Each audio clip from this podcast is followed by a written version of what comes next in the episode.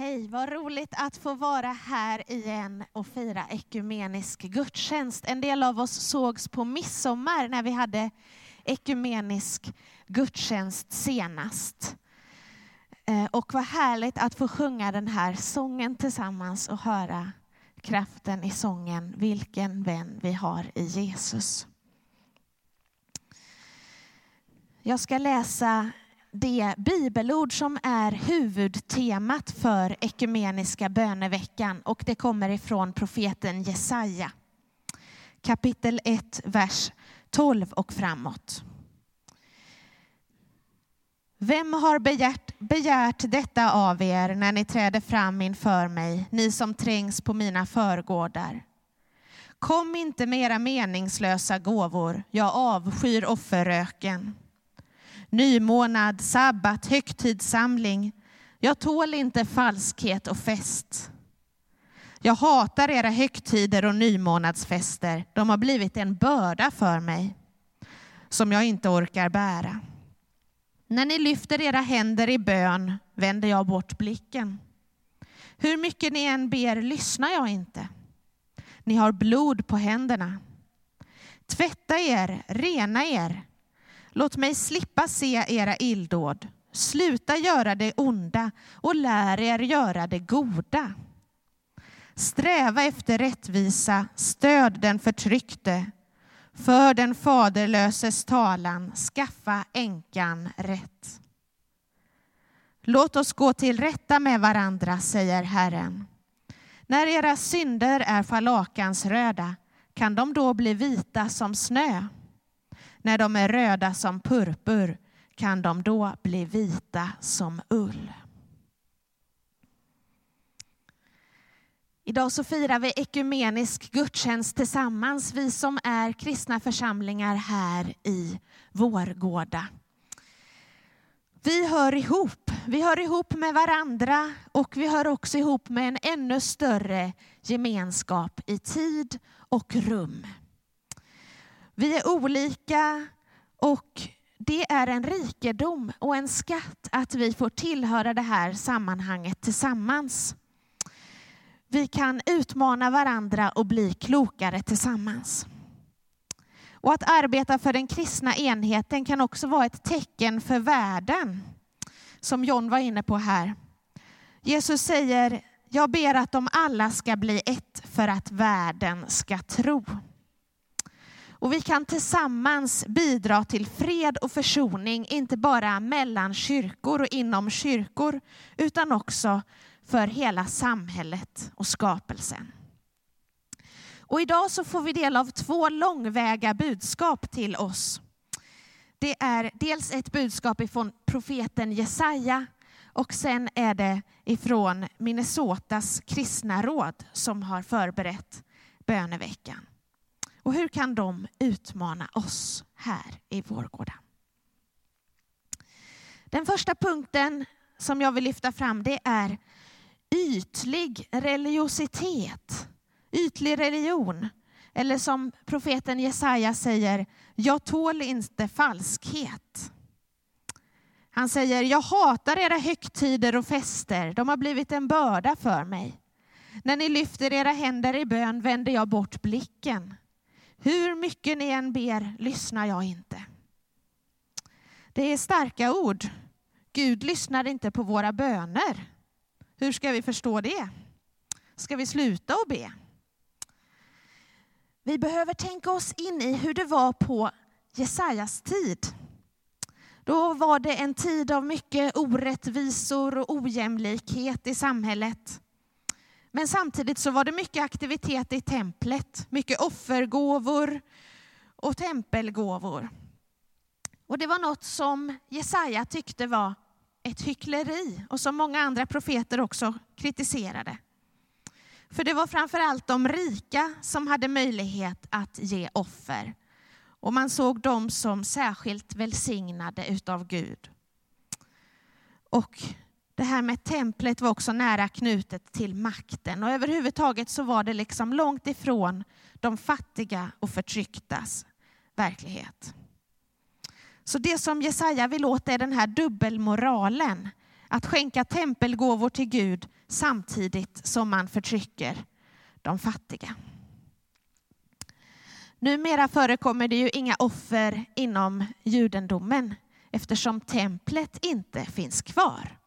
Templet revs ju en tid efter Kristus, 70 efter Kristus. Och det som finns kvar är det som kallas för den västra muren eller klagomuren. Men på Jesajas tid så förekom det offer i templet. Och han var inte den enda som kritiserade det utan det görs gång på gång i Bibeln av olika profeter och även i vishetslitteraturen. Till exempel så får vi höra att man istället ska fokusera på relationen till Gud på ett djupare plan. Lydnad är bättre än offer i första Samuelsboken. Eller låt tacksägelsen bli ditt offer till Gud ifrån Saltaren 50. Eller det offer du begär är ett förkrossat hjärta. Saltaren 51. Och det handlar också om relationen till medmänniskan, rättvisan, att den ska få synas snarare än ytliga offer.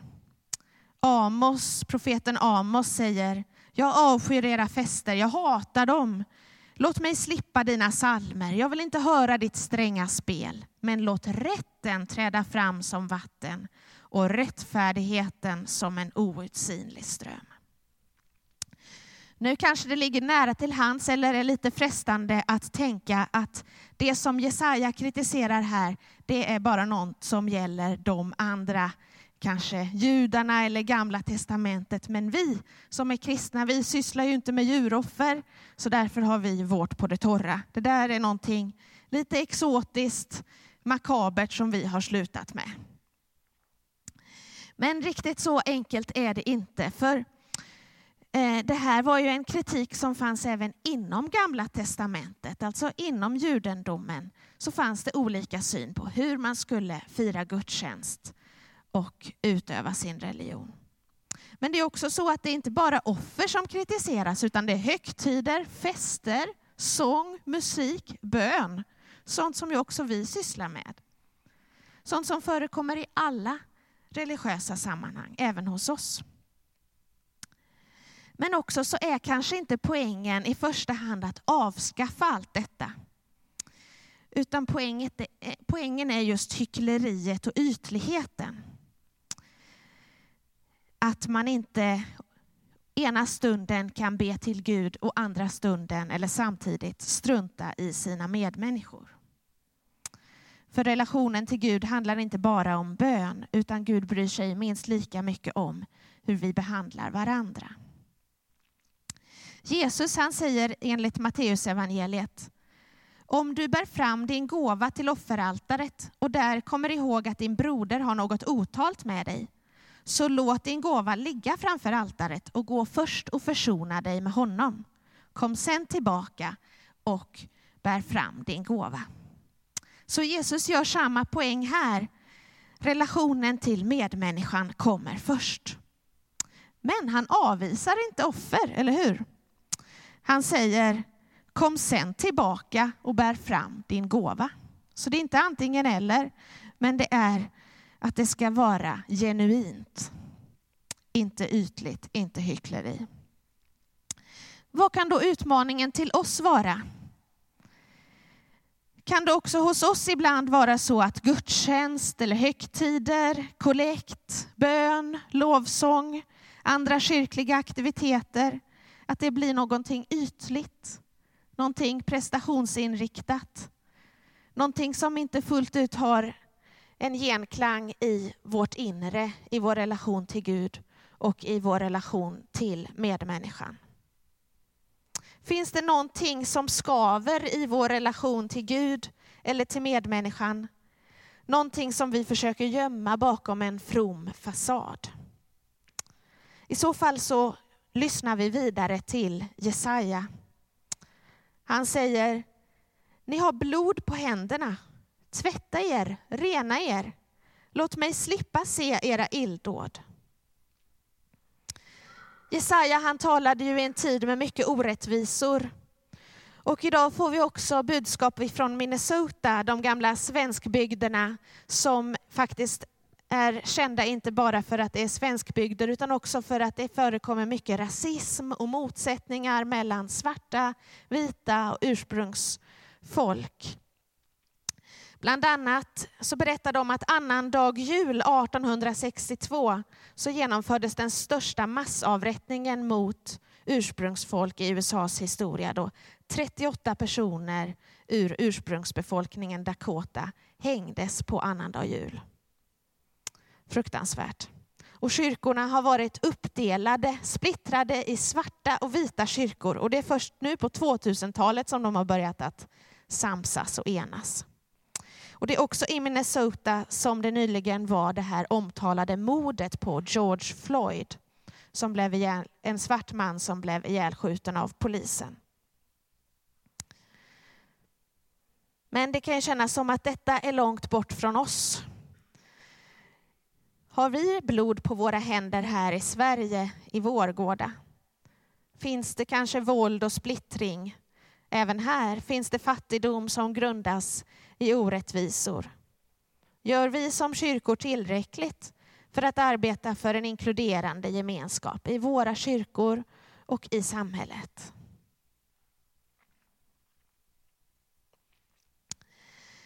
Gör det goda, sträva efter rättvisa, säger Jesaja. För den faderlöses talan, skaffa änkan rätt. De kristna i Minnesota de berättar och de säger att vi lär oss göra det goda bygger på ett aktivt beslut att ägna oss åt självrannsakan. När vi gemensamt ber för kristen enhet får vi tillfälle att reflektera över vad som förenar oss och hur vi kan ta oss an mänsklighetens orättvisor och brustenhet. Alla kristnas tecken vore ett tecken på enhet vore ett tecken på och en försmak av hela skapelsens försonande enhet. Kristen splittring däremot försvagar det här tecknet. Bibeln lär oss att vår relation med Kristus inte kan göras fritt från vårt förhållningssätt till hela Guds folk. Det handlar om att stå upp för dem vars röster inte har blivit hörda, blottlägga orättfärdiga strukturer och bygga nya. Det handlar om ett engagemang som sträcker sig bortom vänner, familj, församling och omfattar hela mänskligheten. Så långt Minnesota. Och Jesaja han lyfte också fram de som stod utanför samhället, utanför skyddsnäten på hans tid, änkor och faderlösa. Och I Bibeln så finns ofta också invandrare med i sådana uppräkningar av de som var utanför. Exempelvis i femte Moseboken. Herren er Gud ger den faderlösa och änkan deras rätt och älskar invandraren och ger honom mat och kläder. Även ni ska visa invandraren kärlek, ty ni har själva varit invandrare i Egypten. Så vad är utmaningen till oss i Vårgårda? Vilka är änkorna, de faderlösa, faderlösa och invandrarna hos oss? Vilka är de som står utanför? Och hur kan vi som kyrkor, som en kyrka, bidra till rättvisa där alla får ett gott liv här i Vårgårda? Låt oss gå till rätta med varandra, säger Herren enligt Jesaja. När era synder är scharlakansröda kan de då bli vita som snö. När de är röda som purpur purpur kan de då bli vita som ull. Eller som man också kan tolka det, fastän era synder är scharlakansröda så kan de bli vita som snö. Finns det en chans till förlåtelse och försoning? Ja, men kanske inte utan att först gå till rätta med varandra, utan att först tala sanning och vara genuin inför sig själv och inför varandra. I Minnesota så sysslar man med en sån här sannings och försoningsprocess som man också har gjort i Sydafrika och som Svenska kyrkan håller på med med samerna exempelvis.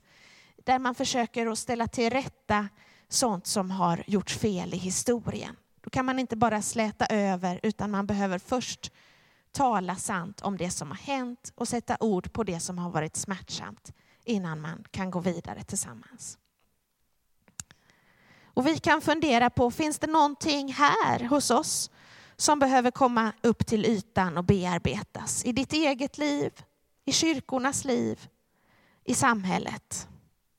Och i så fall tala med varandra uppriktigt. Tala även om sånt som är smärtsamt. Även om sånt som vi inte är överens om. För därefter, först därefter kan man nå fram till en verklig försoning och en verklig enhet. När era synder är scharlakansröda kan de bli vita som snö. När det gäller relationen till Gud så vet vi att det stämmer, tack och lov. Jesajas ord påminner oss om vad vi kan läsa i Uppenbarelseboken om Människosonen. Hans huvud och hår var vitt som vit ull, som snö och hans ögon var som eldslådor. Och han la sin högra hand på mig och sa, var inte rädd. Jag är den förste och den siste och den som lever. Jag var död och se jag lever i evigheters evighet och jag har nycklarna till döden och dödsriket. Det är Människosonen Jesus som gör att vi kan förvandlas från att vara röda av synd till vita som snö. Det är Jesus som vi kan samlas kring och som vi har gemensamt som kristna. Och Jesus ger oss kraft och inspiration att arbeta för kyrkans enhet och för världens fred. Och när det nu är böneveckan för kristen enhet så får vi stämma in i Jesu bön. Jag ber att de alla ska bli ett så att världen kan tro.